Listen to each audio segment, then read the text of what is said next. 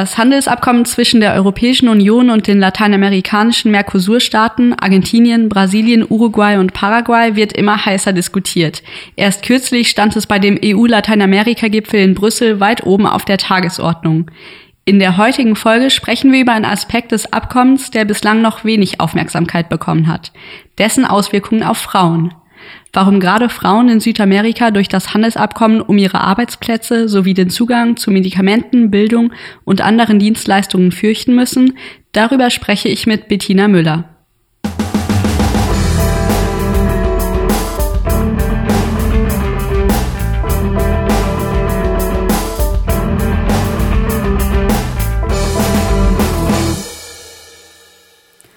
Hallo an alle, schön, dass ihr zuhört bei dieser Folge von Kompass Weltwirtschaft.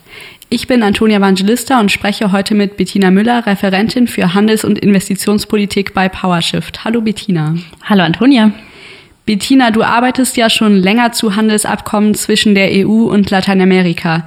Was ist denn der aktuelle Stand bei dem Abkommen zwischen der Europäischen Union und den Mercosur-Staaten, also Brasilien, Argentinien, Paraguay und Uruguay? Ja, tatsächlich handelt es sich ja um ein Abkommen aus dem letzten Jahrtausend. Also das Mandat zur Verhandlungsaufnahme stammt noch aus dem Jahr 1999. Und danach gab es immer wieder Verhandlungen, die lagen lange Zeit auch mal auf Eis. 2016 wurden sie wieder aufgenommen und 2019 äh, kam es dann ja zu einer offiziellen politischen Einigung. Und dann gab es aber eben sehr viel Kritik. Das Abkommen lag nochmal äh, auf Eis, weil Jair Bolsonaro in Brasilien dann ja Präsident wurde. Und erst seit Lula da Silva Präsident ist, wurden die Verhandlungen eigentlich wieder aufgenommen, also die Gespräche darüber ähm, zu entscheiden, wie dieses Abkommen jetzt tatsächlich zu einem Abschluss geführt wird. Und darüber wurde eben, du hast es bereits erwähnt, auf dem EU-CELAC-Gipfel, also auf dem Gipfel zwischen der EU, Lateinamerika und den karibischen Staaten in Brüssel Mitte Juli jetzt äh, beraten. Und was genau wurde da besprochen zu dem Abkommen? Ja, tatsächlich gar nicht so viel, weil es nach wie vor äh, einige Unstimmigkeiten gibt und man hat sich eigentlich nur darauf einigen können, dass weiter an einer Einigung gearbeitet wird. Und was ist der Grund dafür, dass sich das Abkommen so sehr verzögert oder der Abschluss des Abkommens? Also es gibt ja, wie gesagt, seit 2019, seit diesem der politischen Einigung viel Kritik daran, dass das Abkommen zu mehr Rodungen, vor allem auch des Amazonas-Regenwaldes äh, führen könnte, zu mehr Waldbränden und mit entsprechenden Folgen für das Klima, ja. Und da war Frankreich immer ganz vorne weg. Die haben gesagt, das können wir so nicht unterzeichnen. Auch tatsächlich die deutsche Bundesregierung hat gesagt, es muss da jetzt Änderungen geben. Das geht so nicht. Und die EU-Kommission hat dann versprochen, schon im Oktober 2020 eine Zusatzerklärung zu mehr Waldschutz und Klimaschutz auszuarbeiten. Aber wie gesagt, das Ganze lag ja noch mal ein bisschen auf Eis wegen Jair Bolsonaro. Und erst im März 2023, also vor wenigen Monaten, haben, hat die EU-Kommission diese Zusatzerklärung dann den Mercosur-Ländern vorgelegt. Und die waren allerdings gar nicht begeistert, weil sie sich nicht vorschreiben lassen wollen, was sie wie mit ihren Umweltgütern, ähm, sage ich mal, nenne ich sie jetzt mal, also mit Regenwald etc. machen sollen und wie sie sie zu schützen haben. Plus, sie geben eben auch Bedenken zu sozialer und wirtschaftlicher Nachhaltigkeit dieses Abkommens an und wollen daran gern nochmal arbeiten. Und was genau würden die Regierungen der Mercosur-Staaten gerne an dem Abkommen verändern? Also vielleicht muss man erstmal sagen, dass in Uruguay und Paraguay die Regierungen dem Abkommen in jeder Form zustimmen würden.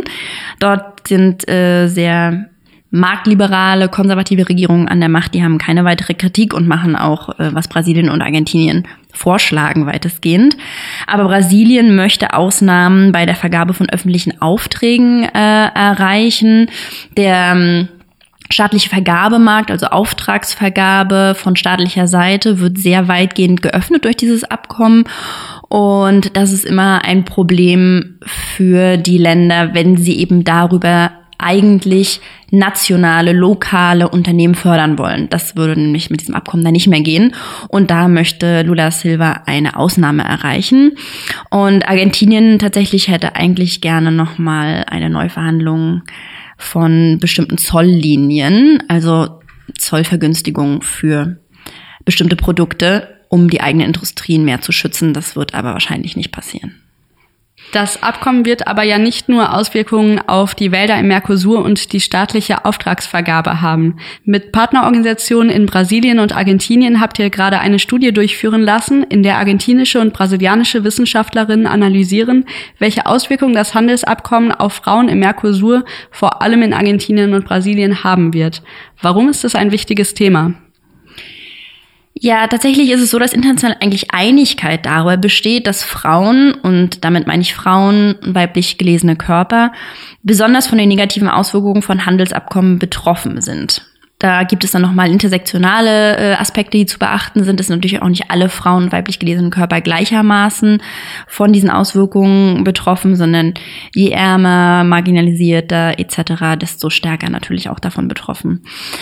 Aber dieser Realität tatsächlich, die in zahlreichen Publikationen äh, besprochen wird, zu der es tatsächlich auch eine Resolution des EU-Parlamentes gibt, ja, schon von 2018, äh, die darauf hinweist, dass dringend Handelsabkommen in Einklang mit äh, Gleichstellungsfragen gebracht werden müsste, wird bislang wenig Rechnung getragen.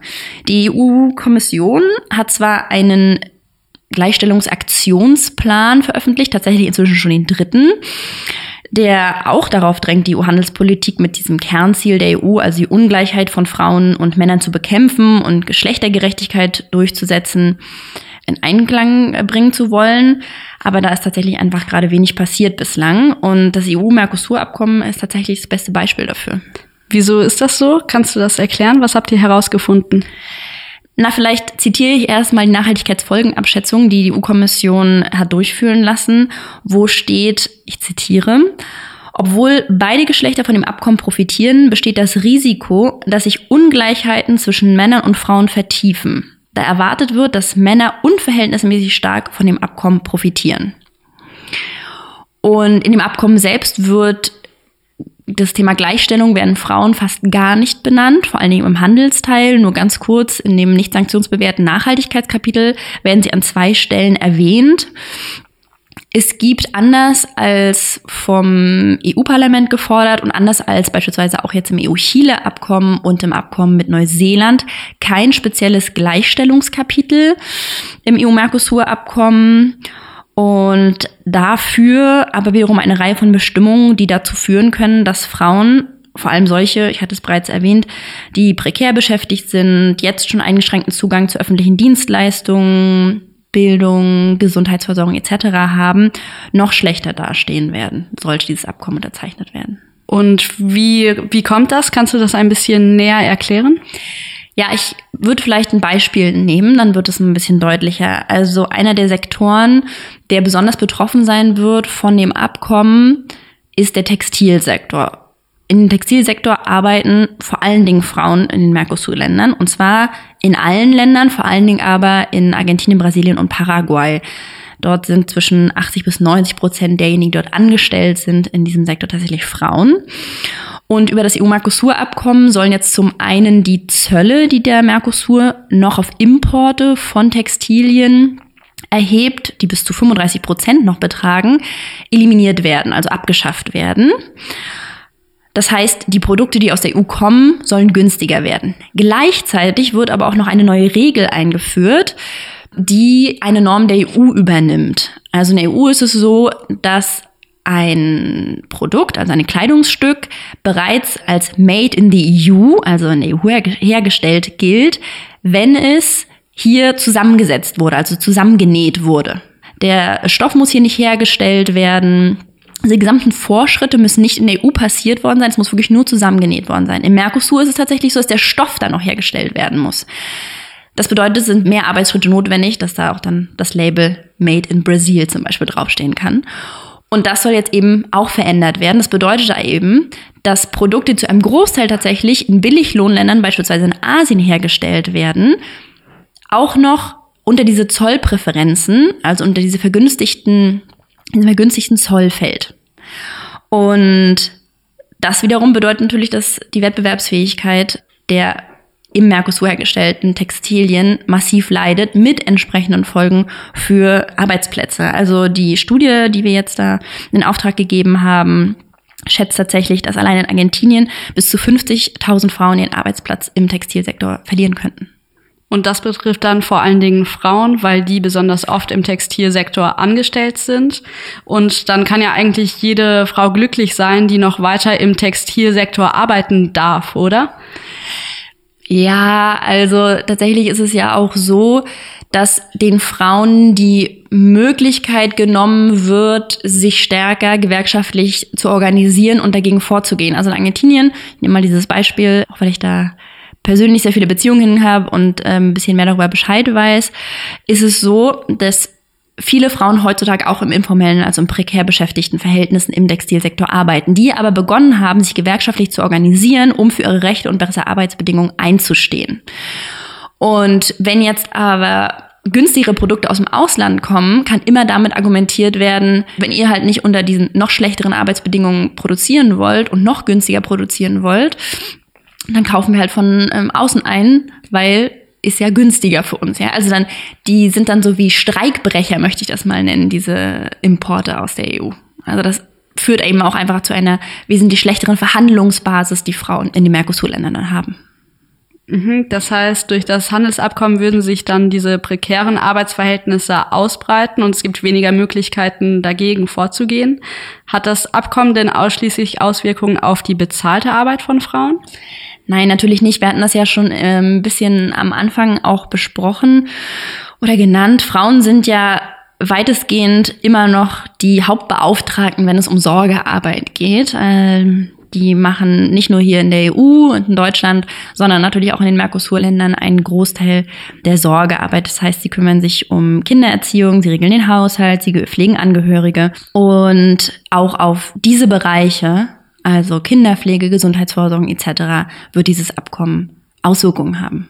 Und warum wird das verändert durch ein Handelsabkommen? Gehandelt werden doch nur Güter aus bezahlter Arbeit, oder? Ja, aber wenn Zölle wegfallen, das sind ja bedeuten ja Einnahmen für den Staat und auch nicht nur Zölle, sondern auch unter anderem Exportsteuern beispielsweise, die verboten werden. Äh, Argentinien erhebt noch eine sehr hohe Steuer beispielsweise auf Exporte von Soja, die würde auch wegfallen mit diesem Abkommen und es geht auch nicht nur um Soja, auch um andere Produkte. Das sind eben alles Mindereinnahmen, die die äh, Mercosur-Staaten dann hätten. Insgesamt wird ja davon ausgegangen, tatsächlich europäische Unternehmen über vier Milliarden Euro im Jahr einsparen würden an Kosten, die sie jetzt abgeben müssen an die Mercosur-Länder. Und das ist natürlich dann Geld, was dort fehlt. Und wenn Geld dort fehlt, muss irgendwo eingespart werden. Und wo wird meistens eingespart? Ja, sag doch mal, in, also in welchen Bereichen genau welche Dienstleistungen wären dann davon betroffen? Also die Studie, die wir uns jetzt angeguckt haben, geht vor allen Dingen äh, auf Kinderbetreuung ein, aber auch auf das Gesundheitswesen, auf den Zugang zu äh, Medizinversorgung, auf Bildung und auf Trinkwasserversorgung. Und das sind so ein bisschen zweigeteilt. Also zum einen ist es natürlich, weil weniger Geld da sein wird. Das heißt, der Staat muss kürzen. Zum anderen gibt es aber auch spezifische Kapitel, beispielsweise eben auch das Thema öffentliche Auftragsvergabe, wo es zu einer Privatisierung von Dienstleistungen kommen kann, mit entsprechenden Folgen für die Kosten, die diese Dienstleistungen haben. Also es wird nicht nur eingespart, das heißt, es kann nicht nur weniger und schlechtere Dienstleistungen im öffentlichen Bereich geben, sondern diese können auch privatisiert werden mit entsprechenden Folgen für die Kosten dieser Dienstleistungen. Also müssen dann zum Beispiel die Frauen ihre Kinder zu Hause betreuen oder müssen kranke Familienangehörige länger pflegen, weil die Behandlung im Krankenhaus zu teuer geworden ist. Genau. Also ähm, das ja, kann dann dazu führen, dass auch bestimmte politische Maßnahmen beispielsweise gestrichen werden, die dieser nach wie vor ungerechten Verteilung der Sorgearbeit entgegenwirken. In Argentinien gibt es da gerade ein ganz interessantes Beispiel. Dort soll eine längere Elternzeit ermöglicht werden. Ich meine, hier in Deutschland haben wir auch zwei Monate, haben die El äh, Männer ähm, Elternzeit. Das ist per Gesetz. Und das soll dort auch äh, Männern in Argentinien zugestanden werden.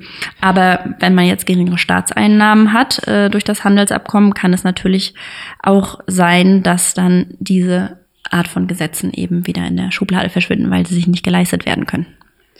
Puh, also Frauen müssten also als Folge des EU-Mercosur-Handelsabkommens einen noch größeren Teil der Sorgearbeit übernehmen, als sie das eh schon tun. Und vorher haben wir auch schon darüber gesprochen, dass Frauen durch das Handelsabkommen Arbeitsplätze verlieren und unter schlechteren Bedingungen arbeiten müssen. Also ganz schön viel negative Auswirkungen. Ja, äh, das ist aber tatsächlich noch nicht alles.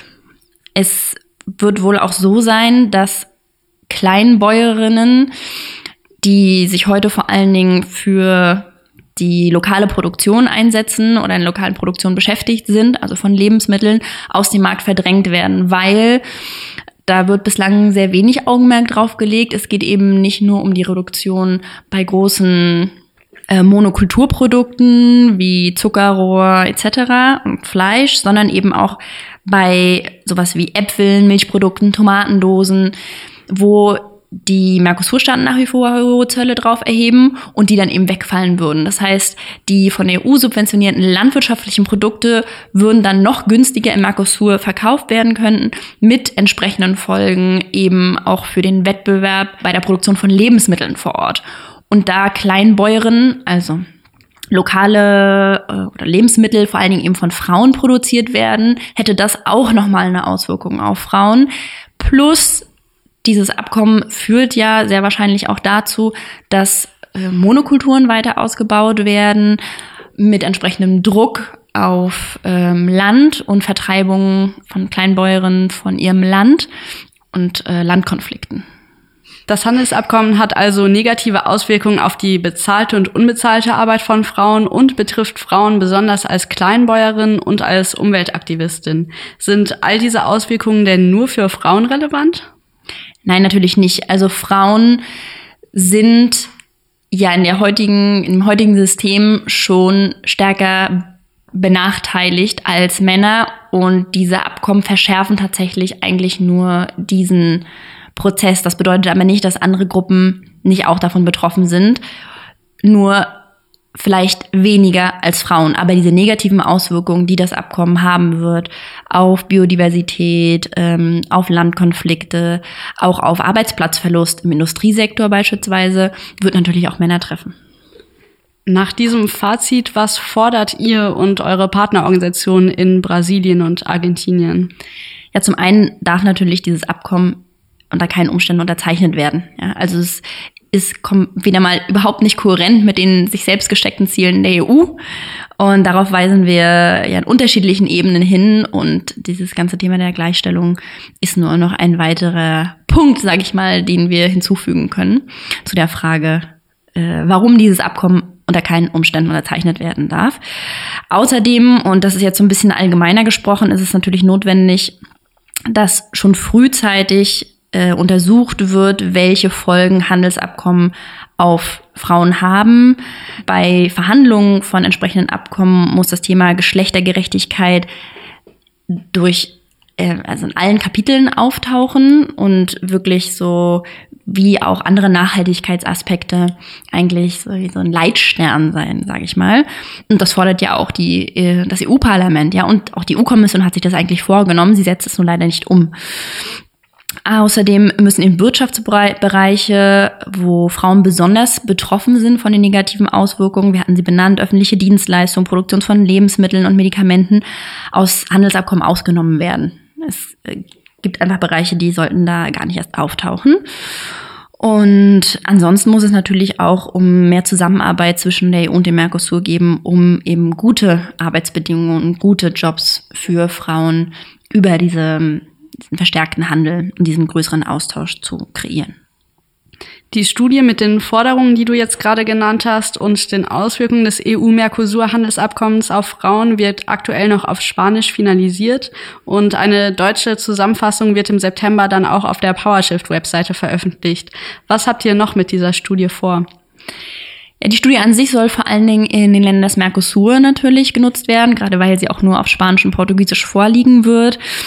Dort soll sie unter anderem bei öffentlichen Anhörungen in Brasilien und Argentinien vorgestellt werden. Sie soll dann auch noch bei einer Konferenz äh, Anfang November in äh, Brasilien vorgestellt werden und besprochen. Da wollen wir dann auch soziale Bewegungen, Organisationen, GewerkschafterInnen etc. aus den Ländern äh, des Mercosur und darüber hinaus einladen, um das stärker zu besprechen.